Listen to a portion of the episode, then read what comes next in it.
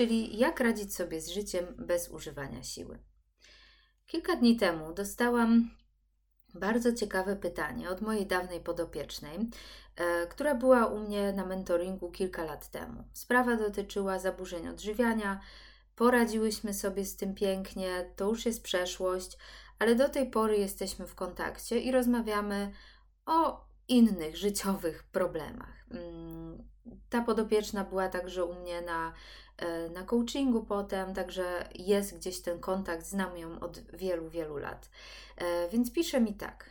Cześć Ania, rozstałam się z chłopakiem i wydaje mi się, że to była dobra decyzja, ale nie potrafię sobie poradzić z pustym domem i samotnością.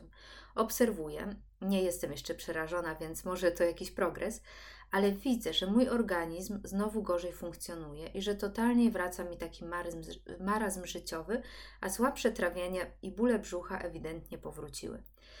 Wiem, że już kilka razy poruszałyśmy ten temat, ale dla mnie to naprawdę wygląda tak, że mam ogromną potrzebę bliskości i jeżeli jest niezaspokojona, to tak jak jedzenie i picie, jak, tak jak jedzenie i picie, to usycham albo marnieję. Jak sto, sobie z tym radzić? Co o tym sądzisz? Więc po pierwsze, jest to bardzo dobre pytanie i spotykam się z nim bardzo często. I jak ja do tego podchodzę? A więc tak, człowiek ma różne potrzeby. Tak, powiedzmy potrzeby fizjologiczne, właśnie jedzenie, picie, spanie itd. Tak człowiek ma różne potrzeby emocjonalne. E, potrzeba miłości, potrzeba dotyku e, itd., itd. Nie? I te potrzeby emocjonalne są szczególnie ważne, kiedy jesteśmy małymi dziećmi. Tak, jeżeli są takie badania, że dzieci y, niedotykane, nieprzytulane, y, na które się nie zwraca uwagi, po prostu nie rozwijają się prawidłowo, a nawet umierają. Nie? Więc jakby to jest fakt niezaprzeczalny. No ale potem dorastamy i jak jedzenia i picia potrzebujemy dalej, tak te, te mm, potrzeby bliskości, e, potrzeby miłości gdzieś przestają zaważać o naszym fizycznym istnieniu. Nie? Ujmijmy to tak. Przestają zaważać na naszym fizycznym istnieniu. Ich niezaspokojenie przestaje zaważać. Nie? Mamy w sobie mm, pragnienie miłości, mamy w sobie pragnienie dotyku. E, I cierpimy, kiedy nie jest to zaspokajane. Ale chcę tutaj podkreślić jedną rzecz. Cierpimy nie dlatego, tak jak na przykład w przypadku jedzenia, że nasza, nie wiem, dusza domaga się tego, tylko to znowu wszystko pochodzi z naszych myśli. Pochodzi z tego, że my nie akceptujemy tego stanu, że my mówimy sobie: O nie, jest tak, a powinno być inaczej. I oczywiście, nie zrozum mnie źle, każdy człowiek potrzebuje drugiego człowieka, chociaż może to nie jest prawda. Domyślam się, że są ludzie, którzy naprawdę nie potrzebują nikogo.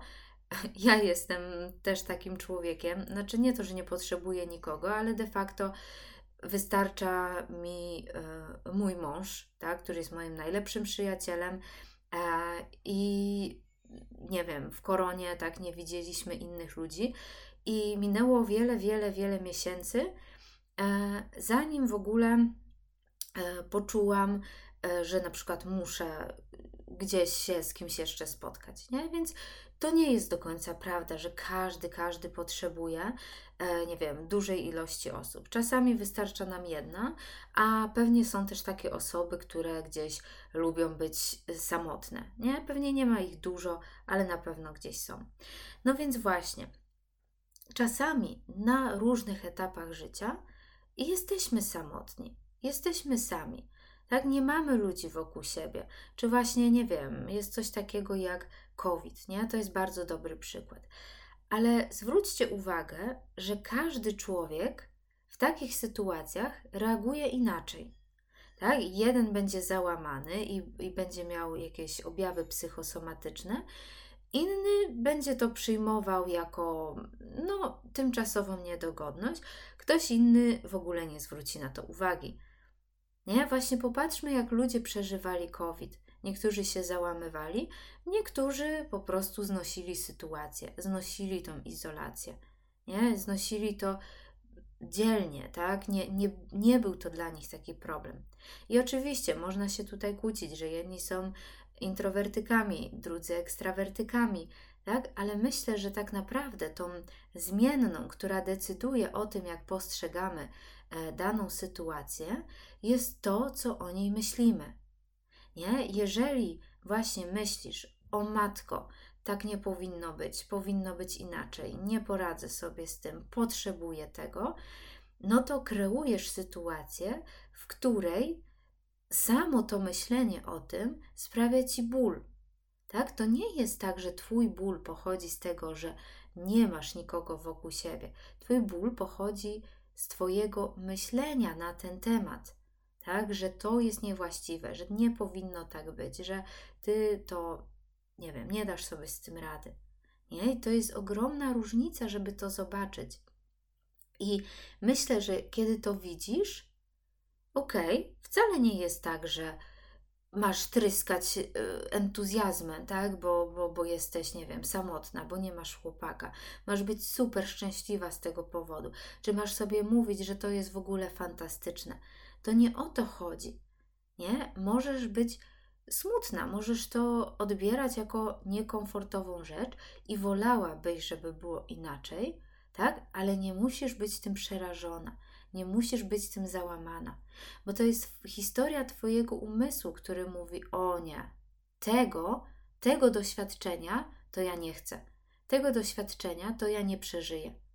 Nie? Dlatego też często ludzie tkwią w niefajnych związkach, w związkach przemocowych, tak? w związkach, które w ogóle nie są dla nich, bo opowiadają sobie tą historię, że ja nie poradzę sobie z samotnością, tak? Że ta samotność mnie zabije, że to jest coś tak dotkliwego, że nie dam temu rady. Nie? To są wszystko historie umysłu, bo na pewnym etapie życia każdy z nas będzie samotny, mniej lub bardziej. Tak? Każdy z nas będzie chory, każdy z nas będzie miał jakieś problemy, czy to finansowe, czy to małżeńskie. Tak? Tylko gdyby cierpienie pochodziło z tych właśnie problemów, czy z braku partnera, czy z choroby, czy ze śmierci bliskiego, to każdy jeden człowiek odbierałby to tak samo. A przecież tak nie jest. Nie? Przecież jeden, tak jak wspominałam we wcześniejszym odcinku, odbiera śmierć osoby jako coś, co go po prostu powaliło na kolana na wiele, wiele lat, nie potrafi się z tego otrząsnąć, a ktoś inny będzie, będzie po prostu wdzięczny, że mógł z tą osobą przez tyle lat żyć.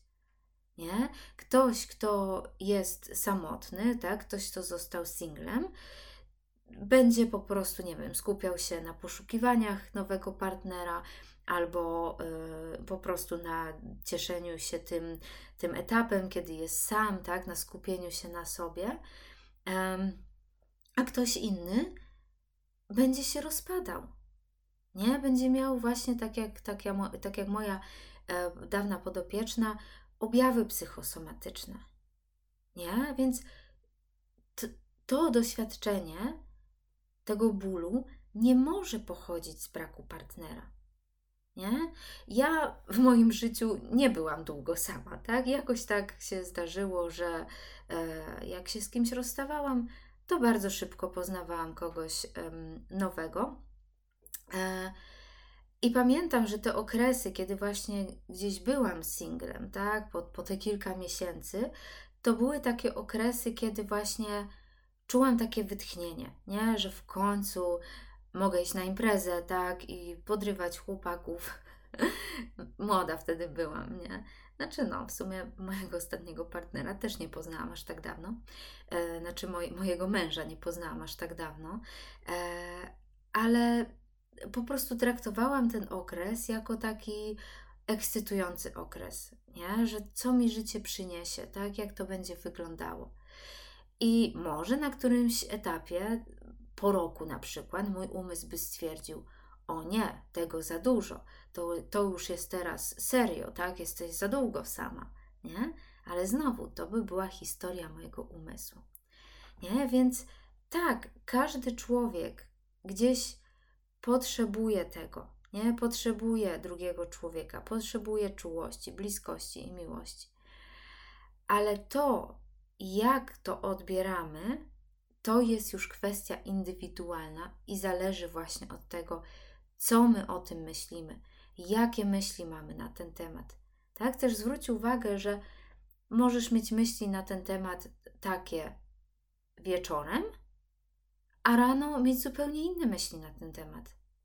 Nie? Możesz cały czas przesuwać się po spektrum, o Jezu, jak beznadziejnie, do o, w sumie fajnie, nie? Jestem wolna i, i mogę robić, co chcę. Tak? A są też momenty, kiedy w ogóle o tym nie myślisz, nie? Bo jesteś zajęta, bo, bo, bo coś robisz, tak? I to doświadczenie znika.